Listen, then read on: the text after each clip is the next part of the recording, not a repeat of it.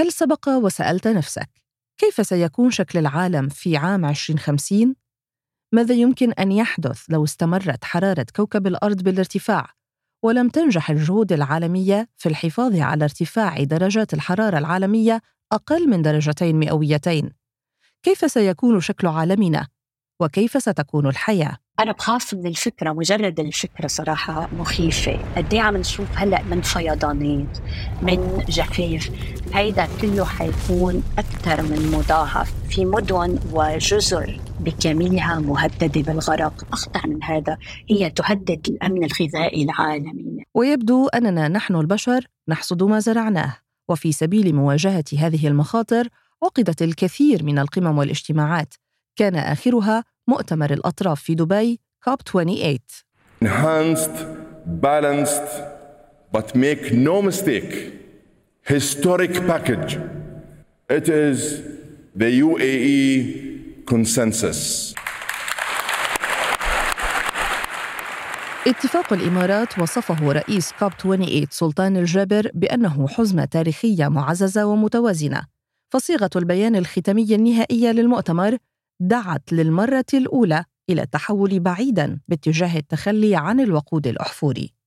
في هذا البودكاست تشرح لنا المديرة التنفيذية لمنظمة جرين بيس الشرق الأوسط وشمال إفريقيا غوى نكت ماذا يعني التحول بعيداً باتجاه التخلي عن الوقود الأحفوري. هذا بودكاست زوايا من سوا بودكاست وأنا أريج البكار.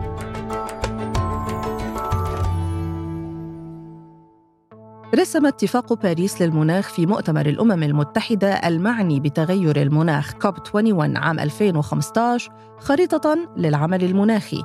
الهدف الرئيسي لاتفاق باريس هو وقف ارتفاع متوسط درجة الحرارة العالمية إلى ما دون درجتين مئويتين وتكثيف الجهود لتقليلها إلى واحد ونصف درجة مئوية. خطة تنفيذ اتفاق باريس كانت محور النقاشات في مؤتمري كوب 24 في بولندا وكوب 26 في مدينة غلاسكو الأسكتلندية أما التنفيذ فكان من نصيب الدورة 27 من مؤتمر الأطراف اللي أقيمت في مدينة شرم الشيخ المصرية. وقبل انعقاد مؤتمر الأطراف كوب 28 توقعت الأمم المتحدة أن يشكل نقطة تحول. غوا أهلا بك. ما هي أبرز بنود اتفاق كوب 28؟ أبرز البنود بالاتفاقية كانوا إنه بيدعي آه، الاتفاق إلى التحول في اتجاه التخلي عن الوقود الأحفوري في أنظمة الطاقة بالتحديد بطريقة عادلة ومنظمة ومنصفة. عبر تسريع العمل آه، في هذا العقد الحاسم ومن أجل تحقيق الحياد الكربوني آه، في عام 2050 وفقا لما يوصي به العلم. We have given it a robust action plan. To keep 1.5 within reach. كمان كان في اعتراف بالحاجة إلى تخفيض عميق وسريع ومستدام في انبعاثات الغازات الدفيئة بما يتماشى مع المسارات المحددة لأبقاء الاحترار العالمي عند حدود آه، ال 1.5 درجات كمان يعني دعوة لبذل الجهود بهذا الاتفاق وأهمها هي زيادة قدرات الطاقة المتجددة على مستوى العالم بمقدار ثلاثة أضعاف ومضاعفة المعدل السنوي آه، لتحسين كفاءة استخدام الطاقة عالميا بحلول العام كمان 2030 والتسريع والخفض الكبير للانبعاثات الغير كربونية بالأخص الميثين كمان بحلول العام 2030 التطرق للوقود الأحفوري هو سابقة في هذا الاتفاق، لكن ماذا يعني التحول باتجاه التخلي عن الوقود الأحفوري؟ يعني الابتعاد عن مصادر الطاقة التقليدية مثل الفحم والنفط والغاز اللي تسببت بالانبعاثات الدفيئة والانتقال إلى مصادر الطاقة المتجددة والنظيفة مثل الطاقة الشمسية ولا طاقة الرياح وهذا الهدف منه هو الحد من الانبعاثات الغازات الدفيئة أن يكون عندنا اقتصاد جديد بديل لا يعتمد بأساسه على استخراج الوقود الأحفوري ويعتمد أكيد بالطاقة على الطاقة المتجددة. يعني بحلول 2050 وفق اتفاق الإمارات مفروض نكون استغنينا عن الوقود الأحفوري واستبدلناه بالطاقة المتجددة. أيضا ذكرت خلال كلامك أن التخلي عن الوقود الأحفوري هو بهدف تحقيق الحياد الكربوني ماذا يعني الحياد الكربوني؟ الحياد الكربوني يعني وجود توازن بين انبعاثات الكربون بالجو أو امتصاص الكربون من الغلاف الجوي عن طريق مصارف كربونية اللي هي بالإجمال الغابات آه، المحيطات والتربة اللي بتمتص الكربون طبيعيا من الجو. والمهم بالحياد الكربوني إنه ما يكون عندنا إنتاج انبعاثات كربونية أكثر من ما آه، الطبيعة أو المصارف الكربونية قادرة تمتص. اتفاق كوب 28 وصف بالتاريخي بسبب تطرقه للوقود الأحفوري. كيف ساهم الوقود الأحفوري في أزمة المناخ؟ الوقود الأحفوري هو أكبر مساهم في أزمة المناخ. أكثر من 75% من انبعاثات الغازات الدفيئة العالمية وأكثر من 90% من جميع انبعاثات ثاني أكسيد الكربون. الغازات الدفيئة مرتبطة مباشرة باستخراج وحرق الوقود آه، الأحفوري اللي أدى إلى الاحتباس الحراري طيب طالما أن أثر الوقود الأحفوري واضح لهذه الدرجة لماذا كان هناك خلاف على الاتفاق وتم تمديد النقاشات بين الأطراف المتفاوضة ليوم إضافي؟ الدول التي يعتمد اقتصادها على النفط ما كانت ابدا راضي إنه يكون في ذكر أو إقرار للتخلص من الوقود الأحفوري.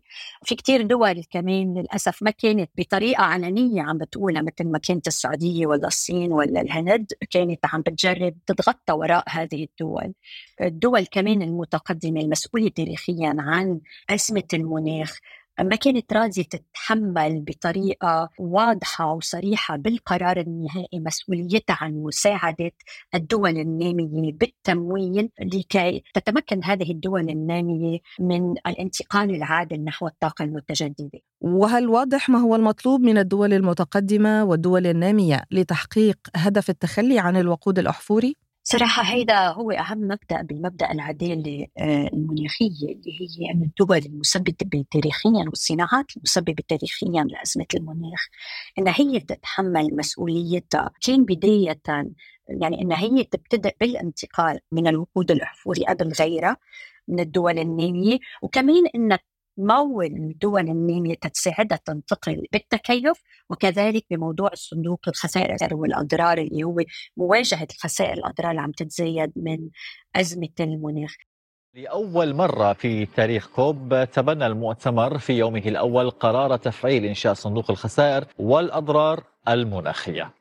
بداية يعني انطلقت دولة الإمارات بالرغم هي مش من الدول المسؤولة تاريخيا بتعهد ب 100 مليون دولار بأول يوم ولحقتها باقي الدول ب 700 مليون دولار ولكن هذا كثير بعيد لأن الدول عم تحمي حالها من المسؤولية التاريخية وما بدها تلتزم بالمسؤولية التاريخية بدها إياها تكون طوعية وحسب وضع الاقتصادي وحسب الفائض عنا لتمول فما وافقوا إنه يكون هذا الشيء بقرار ملزم بمؤتمر الأطراف 28 يعني تمويل صندوق الخسائر والأضرار لم يكن بقرار ملزم رغم مسؤولية الدول المتقدمة التاريخية عن أزمة المناخ.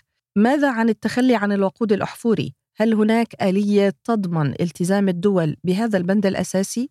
الآلية هي مثل ما صار هذا العام يعني التقييم العالمي الأول global stocktake ونحن في ال global stocktake الثاني اللي هو التقييم العالمي الثاني اللي حيصير بال 2028 اللي بيقيم هو كيف الدول يعني عالميا سياساتها المناخية عم بتساعد للوصول إلى أهداف اتفاقية باريس وال 1.5 درجات، كمان عندنا المساهمات المحددة وطنيا اللي هي الجهود التي تبذلها كل هذه الدول لتقليل الانبعاثات الوطنية والتكيف مع آثار المناخ، كمان هذه طريقة لتقييم مدى التزام الدول بهذا الاتفاق.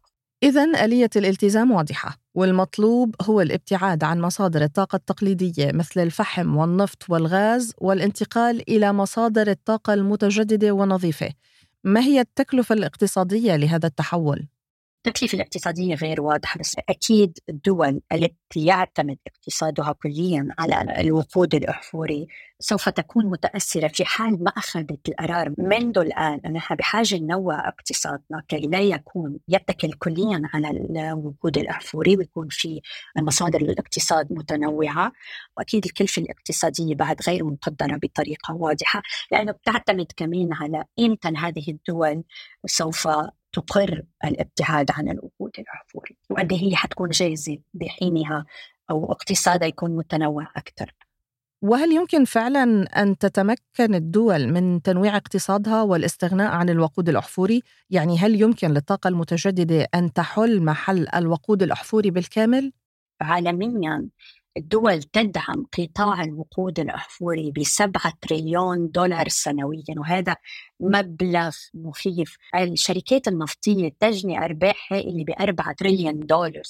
فعم نحكي عن مبالغ كتير كبيرة. إذا هذه المبالغ توجه لدعم الاستثمار في الحلول المبتكرة لمكافحة أزمة المناخ والتكيف والتخفيف نحن أكيد قادرين نوصل. في دراسات كتير واضحة بتقول أنه ممكن يكون بالأخص بقطاع الطاقة نوصل ل 90% من احتياجات الطاقة تكون من الطاقة المتجددة. آه، وأنا بقول لك القرار هو قرار سياسي. في دول كانت سباقة ووصلت ل 100% خصوصا في قطاع الطاقة. غواء اتفاق كوب 28 دعا إلى مضاعفة إنتاج الطاقة المتجددة على مستوى العالم ثلاث مرات بحلول عام 2030 هل يمكن أن نصل بذلك إلى 90% من احتياجات العالم من الطاقة المتجددة؟ ثلاث أضعاف بحلول العام 2030 ما بتوصلنا إلى 90% ولكن نحن بدنا نوصل بحلول العام 2050 أن توصل آه، إلى 90% ولكن بتكون وضعت خطة آه، واضحة وخفضت كمان كلفة الطاقة المتجددة حتى تكون طاقة يعني بمتناول الجميع يعني اتفاق الإمارات حقق خرق واضح في العمل المناخي ولكن هل يمكن اعتباره أهم من اتفاق باريس للمناخ أو كافي في هذه المرحلة؟